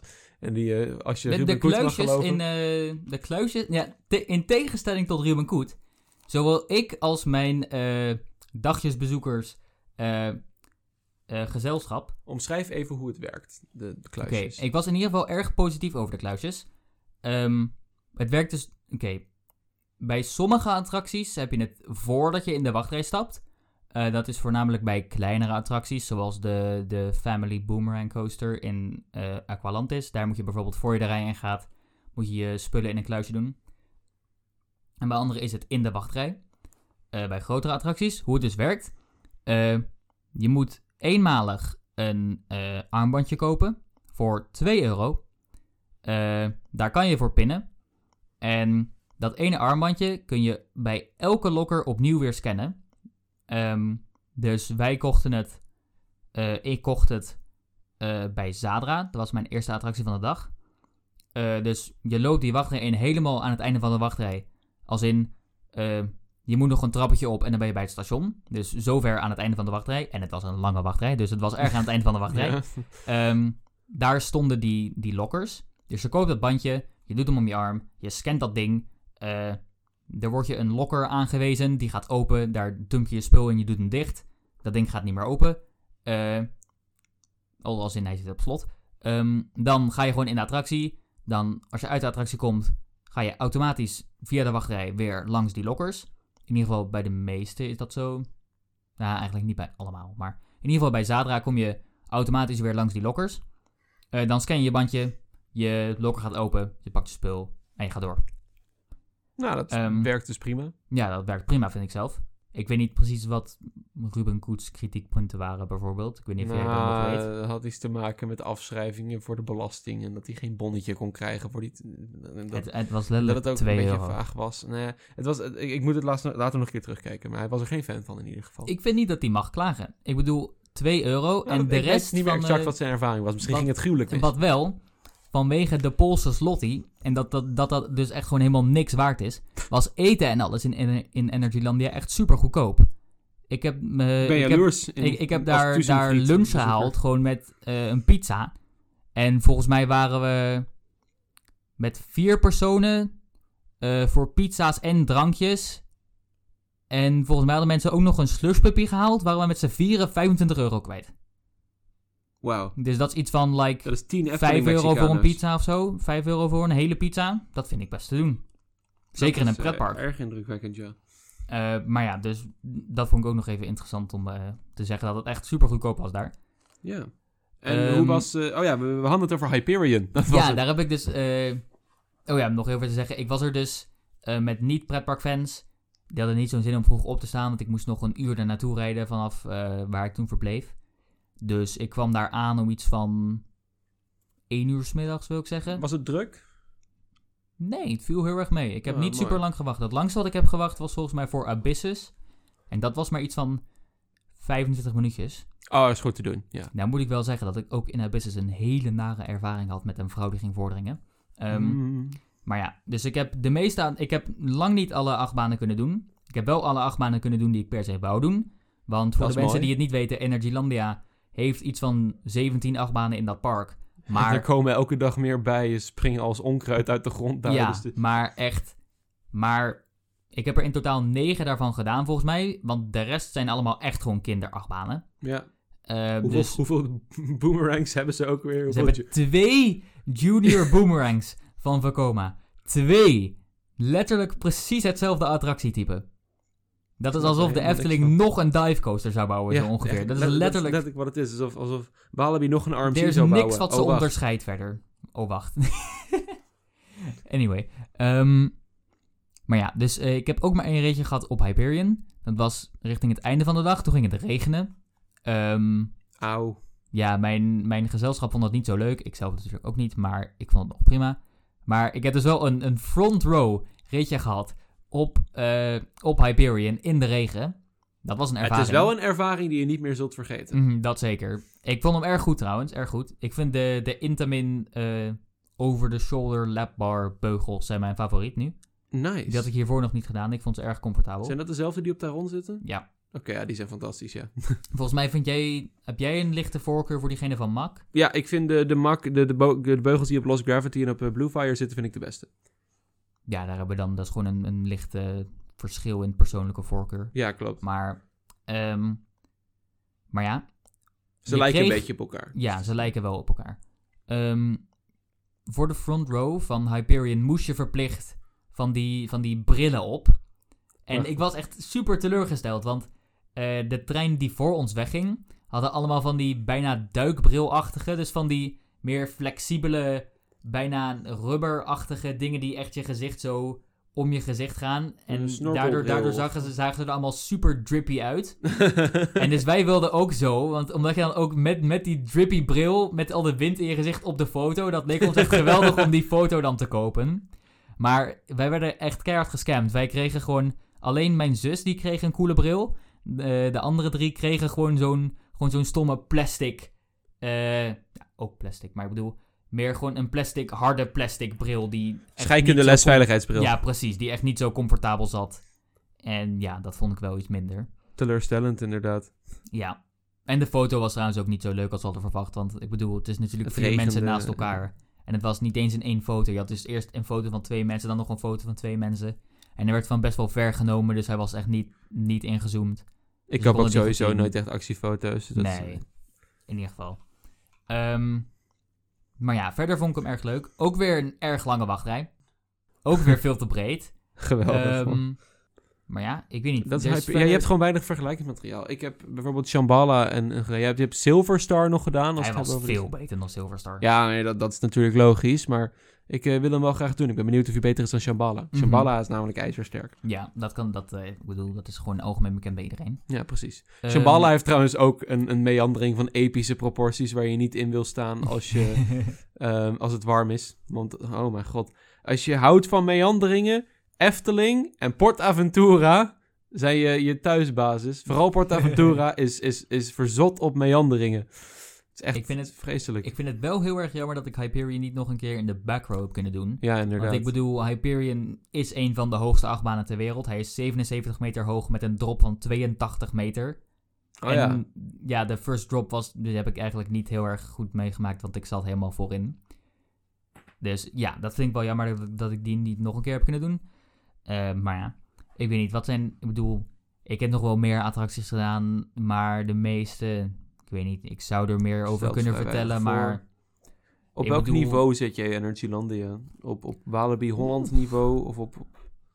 ik weet niet, ik vind het heel lastig om te vergelijken, aangezien Energy, Energylandia is natuurlijk echt heel erg, heel erg om de achtbanen. En verder heeft het park voor, voor mensen die echt zoeken naar kwaliteit, heeft het verder niet heel veel te bieden. Ehm, als ik kijk naar puur achtbanencollectie, dan is het natuurlijk het beste park waar ik ben geweest. Maar dat is, over- qua overal ervaring is het, dat, komt het niet in de buurt. Ehm, Ja, maar je bent in Europa Park geweest natuurlijk. Dus dan is, mm, is ervaring wijs beter. Ja, natuurlijk. Ehm, ik weet niet, ik heb er nog niet genoeg, goed genoeg over nagedacht. Ik denk dat ik daar op een later moment even op terug moet je komen. moet er nog even goed over Ja. nadenken. Ik vind het lastig. Waar Energylandia Ehm, precies rankt in jouw, Ja, laten we zeggen, ik top weet niet. 10 parken in Europa. wel wat nog eh, leuk is om te benoemen, is dat ik ben ook in het spookhuis geweest daar. Oh yes. Ik had van tevoren gehoord dat alles. echt, echt super slecht was. Ehm, dus van tevoren was ik niet van plan om erin te gaan. Maar toen was het eenmaal aan het regenen en ik zag letterlijk dat mensen daar zo naar binnen liepen en dat er een 0 minuten wachtreisje stond en ik liep daar langs. Dus ik was van, oké, waarom niet? Dus ik loop daar naar binnen. je werd stond- gegroet Er, door de classic Duinenzaten spook, eh, spookhuiskarretjes. de, de karretjes waren precies hetzelfde als die van het spookhuis van Duinen Dat vond ik ten eerste echt super grappig. Eh, maar verder, er stond nul wachtrij buiten. De, de façade van het gebouw was de, best wel Loods. pittig matig inderdaad. Maar dus je komt daar binnen. Alles zag er eigenlijk gewoon uit als zo'n kermis-spookhuis... waar ze met zwarte doeken voor de muren of zo alles donker hebben gemaakt. Eh, er stond een medewerker, dus ik loop naar binnen. Je moet naar links. Dan stond er een medewerker, dan moest ik meteen een soort U-turn maken. Eh, en dan stonden links van je de karretjes waar je in kon stappen. Eh, ik heb mezelf daar gejumpscared. Enige, enige, enige keer dat ik ben geschrokken in dat spookhuis, omdat er een hand aan, hand, allemaal handen uit de muur staken daar. Ik keek naar de medewerker, want die vertelde mij van, oh ja, je moet daar naar achter, want daar zijn de karretjes. Ik draai mij in een soort ruk om 180 graden. Ineens staat er zo'n hand 5 centimeter van mijn gezicht af. Eh, dus daar schrok ik van. Enige keer dat ik ben geschrokken. Ehm, verder, je stapt in dat karretje en de rit begint. Ik zeg de rit, omdat dat eigenlijk gewoon is wat het is. Je rijdt een rondje. Eh, er was nul audio. Geen enkel beeld bewoog. Er was, er was wel verlichting, maar het was niet goede verlichting of zo. Ik weet niet. Er was nul sfeer. Het was inderdaad gewoon letterlijk, hoe ik het zou omschrijven, is, eh, ze hebben een ritssysteem gekocht. Je rijdt met een karretje een rondje. Ze hebben het gebouw helemaal zwart gemaakt. Ze hebben de hele solo van eh leeg gekocht. Ze hebben dat allemaal neergeflikkerd. Er zit ook geen liefde in. Alles is daar gewoon... Ze hebben een heleboel random beelden van dingen die eng zouden moeten zijn. Weet ik veel, aliens. Volgens mij zag ik op een gegeven moment letterlijk de alien van Alien ergens staan. En gewoon allemaal allemaal, franchises, allemaal door elkaar ge... allemaal stilstaande beelden hebben ze gewoon neergekwakt naast de baan, naast de baan en daar rijden Ik dan denk langs. echt dat ze gewoon AliExpress leeggekocht hebben. Het zou allemaal neergekwakt kunnen. hebben in een loods. En er een kermis transportsysteem hebben ingezet. En eh, gaan met de... Ja. Dat is eigenlijk dat is een perfecte omschrijving. Ik vond het inderdaad echt een hele matige ervaring. Maar ook wel weer grappig daarom, omdat ik mijn verwachtingen, soort van, ik wist wat ik ervan moest verwachten. En daarom vond ik het eigenlijk wel grappig. Eh, maar ja, Wat een verschrikkelijke attractie moet dat zijn geweest. ik zou Ik dus- durf te wedden dat het, het, het Huizenpellen, het nieuwe spookhuis van de Waarbeek, die dat ik laatst heb gedaan, beter. is beter. Ja, ik heb hem gedaan. Is waarschijnlijk beter. Het. Spookmuseum in Drievliet is beter. Het Is dat een, is dat een shocking eh, Oh, nou komt revelation? is de, de, de, de, de mini-trollentrein van Duinrel beter? Ja, Oeh, ik zou zeggen van wel. Vele nice. malen beter zelfs. Ik, eh, nee. Ik ben, ik ben nog wel in Huizenpellen geweest in de Waarbeek. Ik was sowieso laatst voor het eerst in de Waarbeek. Maar dat bewaar ik denk ik voor een andere aflevering. Mhm. Dat is nog wel leuk. ik heb nu even wat... eh, ik heb trouwens ook een ritje op Speed gehad. Speed is de, is de, is de Intamin Watercoaster. Ziet er best wel cool uit omdat hij een, eh, een elevator lift heeft. Dus hij gaat echt recht omhoog. En dat ding is iets van 40 nog wat meter hoog. Het ziet er heel intimiderend uit. Daarmee faalt hij eigenlijk keihard. Want het is een super tame baan. Er gebeurt echt helemaal niks. Maar daardoor schrikt hij dus de... eh, daardoor schrikt hij dus alle families en kinderen af. Maar de mensen die er komen voor de thrill, die hebben eigenlijk ook niks. Dus daarmee faalt hij eigenlijk echt enorm. Ah, hij is Maar- gewoon eh, twee keer net niks. Ja, vliegende Hollander. Maar ik heb die dus ook in de regen gedaan. Dat was een beetje pijnlijk. Maar wel een leuke ervaring anyway. Ehm, dan, ik heb een beetje wat van de highlights van mijn Energylandia bezoekje benoemd. Ik kan nog wel verder dingen erover gaan zeggen, maar ik denk niet Was dat het extreem een lekkere pizza van... Het was een lekkere pizza. Oké, mooi. Dan heb je alles benoemd over Ja, ook een vriend van mij die had daar een biertje besteld. Werd gewoon niet naar zijn idee gevraagd, maar... Ach ja. En dat vond ik nog vreemd, want die gast, die, eh, die gast keek hem heel verbaasd aan. Zo van, huh?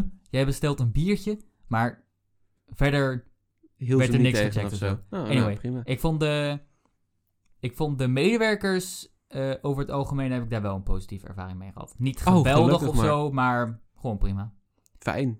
Maar ja, Er ik is heb dus een, een, beetje- website die allemaal van die statistieken bijhoudt van beste dit, beste dat, eten en dat soort dingen. En eh Belle Waarder komt altijd naar boven als beste medewerkers.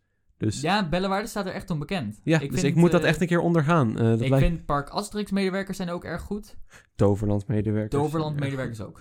Efteling medewerkers vind ik een beetje, ze doen hun werk en niet meer dan dat, maar hun werk is goed genoeg, dus ik klaag er niet over. Ja, en Walibi medewerkers zijn of, eh, zijn of pretparkfans zelf, of zijn mensen die eh, Flexen met hun salaris, hun middelvinger opsteken naar de camera en de bloopings loopings terechtkomen. komen Omdat ze ongepaste dingen op, op, eh, op social media posten. Dat was ook een keer de Toverland medewerker. Die oh nee, dat was de gest- die- Toverland medewerker. Ja, ja, ja. Shit, ja, dat was ja. de Toverland medewerker. Ja, ja, door ja. de war. Anyway. Voor de jonge luisteraars, google dat niet. Ehm, maar ik heb dus wat gezegd als je de eerste mijn- aflevering terugluistert, zeg ik om de twee zinnen precies. Dus het is een beetje... We, we moeten nog een beetje wennen aan het hele podcast idee. We zitten er veel eromheen te... Laten we het inderdaad even over eh Tussenfruit hebben. Ja, ik wou inderdaad net zeggen, daar, daar probeer ik al een hele tijd een bruggetje naar te maken. Van, ik heb nu wat verteld over mijn bezoek aan Energylandia. Wat vond je van tussenfruit? Je zei, Tussenfriet. ik wou net zeggen, je zei trouwens wel dat je het niet wilde accepteren, maar net noemde je het toch tussenfruit. Ja, ik wilde Noren niet boos maken. Waarom Ehm, wil je niet boos maken? ik was op vakantie gegaan naar Oslo. En dat eh, was erg leuk. En Leuk om te zeggen misschien. Tussenfruit heeft, ons, heeft zelfs onze Instagram-post in hun Instagram Oh ja, oh ja, oh ja dat, dat, dat, dat, wil ik inderdaad even eh, eerst vertellen. Dankjewel dat je me eraan herinnert, Mark. Ehm, Ik had een foto gemaakt van Speed Monster. En eh, die had ik op de Instagram van de Bonte Babbelaars gezet. En die is op de Instagram van Tussenfruit geüpload. Ze hebben me niet om toestemming gevraagd of zo. Ze hebben me gewoon opgeknald. Klaag ze aan. Nee, ga ik niet doen. Voor beeldmateriaal van hun eigen achtbaan. Gratis Bonte Babbelaars reclame. Je wil ook niet weten hoeveel troep ik krijg in de DM's van de Bonte Babbelaars. Van, eh, van die spamaccounts die dan eh, vragen om zogenaamde promoties. Die mogen allemaal oprotten. Ik negeer ze allemaal. Maar ehm, laten we eindelijk, laat ik in ieder geval eindelijk even over Tussenfruit vertellen. In Oslo, ik was alleen. Eh, want mijn familie had niet echt zin om naar eh, een pretparkje te gaan, in die zin. Ik dacht, nou prima.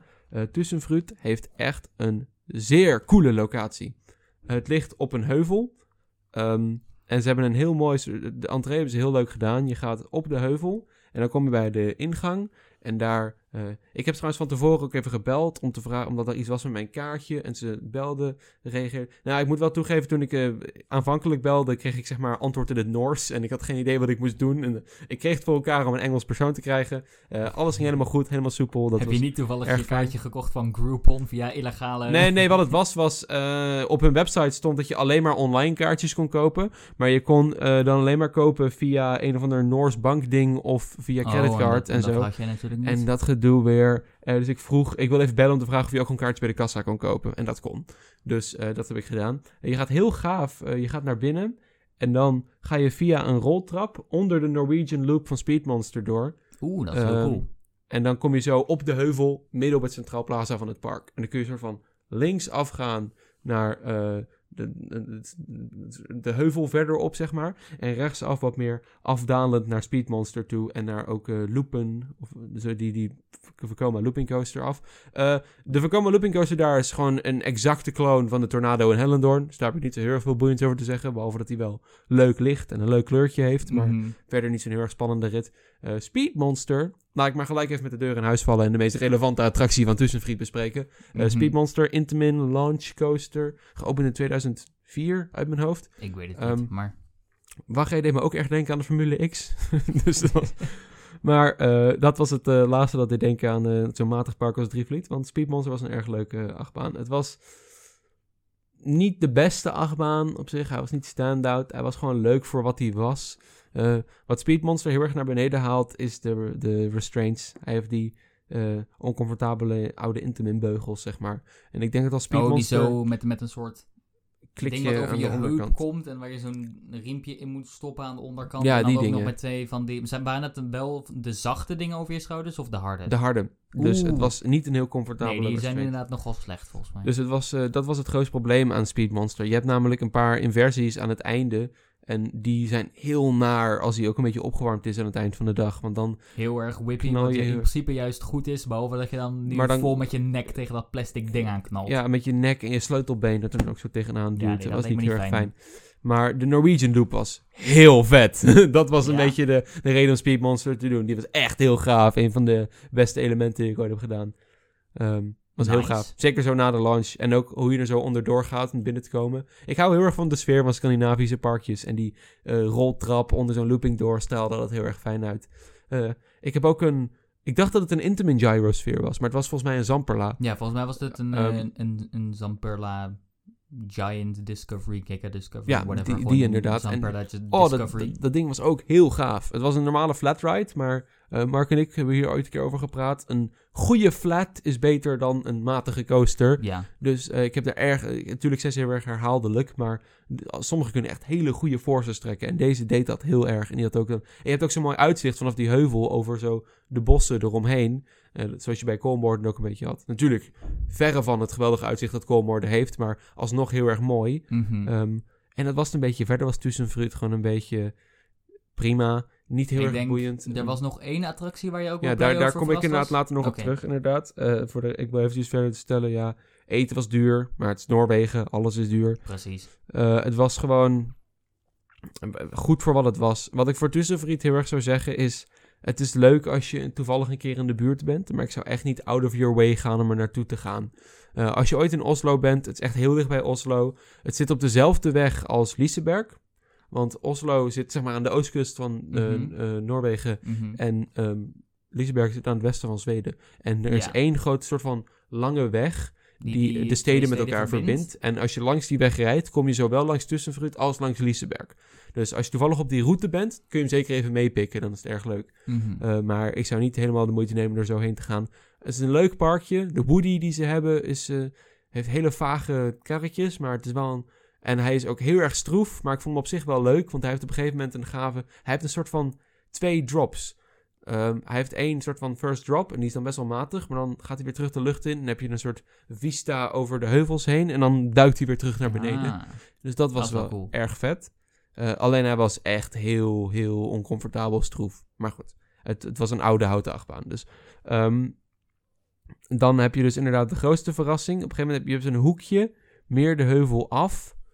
Ehm, voordat je daar naartoe gaat, kom je langs een gebied dat mij heel erg deed denken aan Bamses World in Commorden. Bamses World. En eh, dan kom je in een soort vikinggebied met een eh mak, power splash, eh, volgens mij was het een mak, en nog een rapid die nog wel leuk Een was. Power Splash? Wat de hel? En een, ik eh, wist niet dat ze een Power Splash hadden. Of nou, volgens mij is het gewoon een, een mak water attractie. Is het, is, is het is geen watercoaster. Oh, het is een oké, beetje, hij is lijkt een beetje. Splash, maar- Nee, nee, het is geen power splash. Ik had het even fout. Het is, eh, dat is zo'n ding als Poolstart volgens mij. Het, is, het is vergelijkbaar met de Atlantica Super Splash, zeg maar.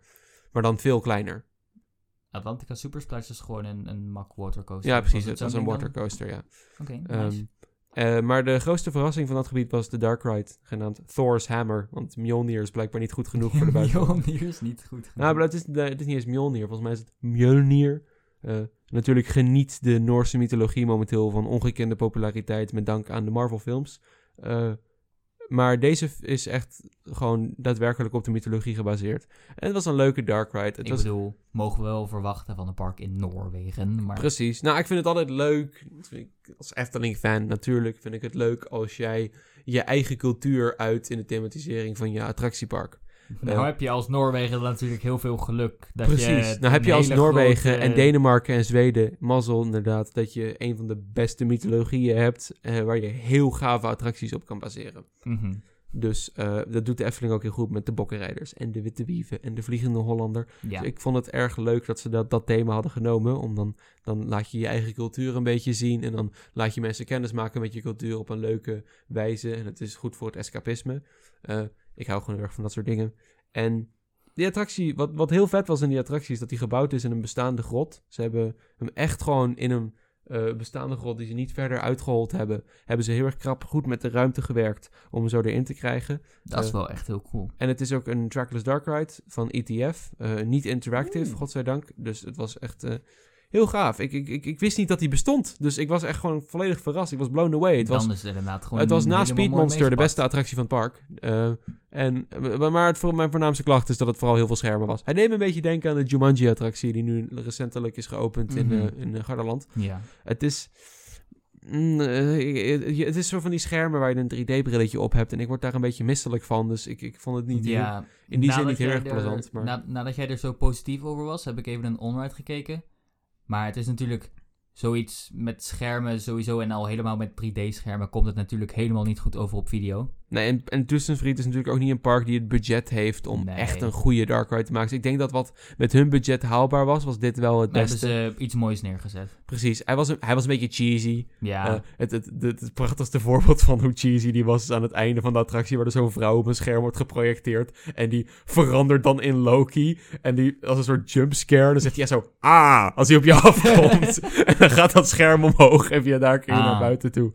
Ehm, maar verder een leuke attractie. Eh, ik, ik, mijn eerste ritje was ik helemaal alleen. En dan is hij nog best wel creepy eigenlijk. Want dan oh nee, dat kan ik me wel voorstellen. figuren als Fenrir en zo op je afrennen. Terwijl je daar gewoon hulpeloos in je eentje zit met je misselijkmakende Help. 3D-bril. En er is één heel vaag moment waar je door een soort van grote brede ruimte gaat. En like Mjolnir komt dan soort van in je hand vliegen. En dan moet het een soort POV voorstellen. Maar je ziet drie Mjolnirs en twee handen, omdat het die mislukte 3D is. Dus, dan is de- dus het kwam niet helemaal goed over.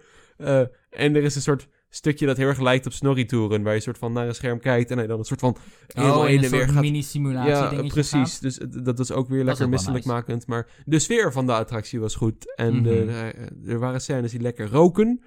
Eh, en de thematisering was van een prima niveau. Het was, de grootste, het was een grote verrassing. Want Tussenvriet Mhm. was nou niet echt geweldig gethematiseerd. Dus die attractie was er wel eens zo van... Wow, dat is wel cool. Maar Niet heel veel meer dan dat. Ik was er erg positief over toen ik er net uitkwam. Mhm. Maar dat was puur omdat ik echt heel erg verrast was. Omdat ik niet wist dat dat bestond. Ik wist niet eens dat Tussenvriet een Dark Ride had. Mhm.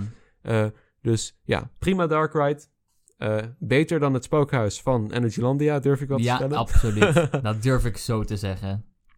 Eh, dus dat. Dat was de leukste verrassing van Tussenvriet. En verder is Tussenvriet een heel erg klein parkje waar niet heel erg veel over te zeggen valt. Mhm. Leuk. En meer dan dat niet. Ik heb lekker gegeten. Eh, hele behulpzame medewerkers ook weer, omdat ik niet wist hoe de saladebar werkte bij, het rest- bij een van de restaurants. Die vrouw legde mij dat toen uit.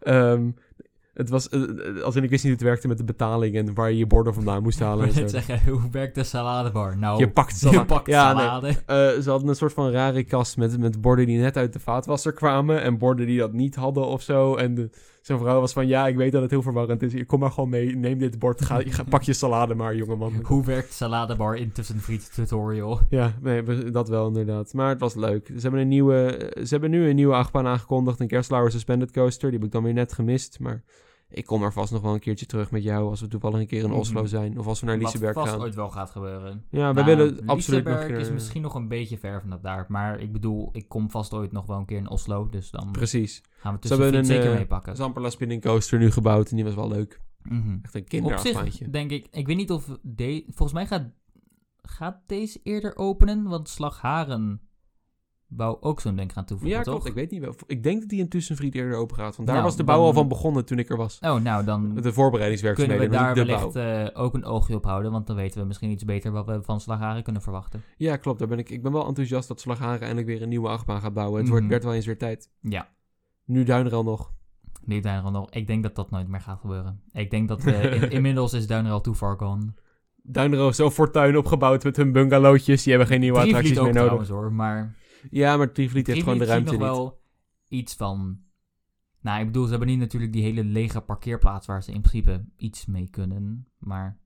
Trivliet heeft denk ik gewoon... Ja, ze hebben inderdaad... Ik heb nog ook geruchten gehoord dat ze daar een indoorhal wilden bouwen. Maar ik vraag me af, gaan ze de ingang dan naar voren verplaatsen? Ja, Of wij hebben ook wat inside information van Drievliet, omdat iemand die we kenden van school, die, die werkte daar. En ja, ik herinner me niet heel goed De indoorhal maar- gaat niet komen. ik herinner me niet heel goed meer, maar van wat ik eh, heb gehoord van hem ging het niet al te goed daar achter de schermen. Maar Nee. Dus eh, don't get your hopes up. pretpark ik bedoel, we verwachten ook niks anders, aangezien ze een website hebben die eruit ziet als een patatzaak. Maar Dat blijft zo'n gouden vergelijking, want het is zo accuraat.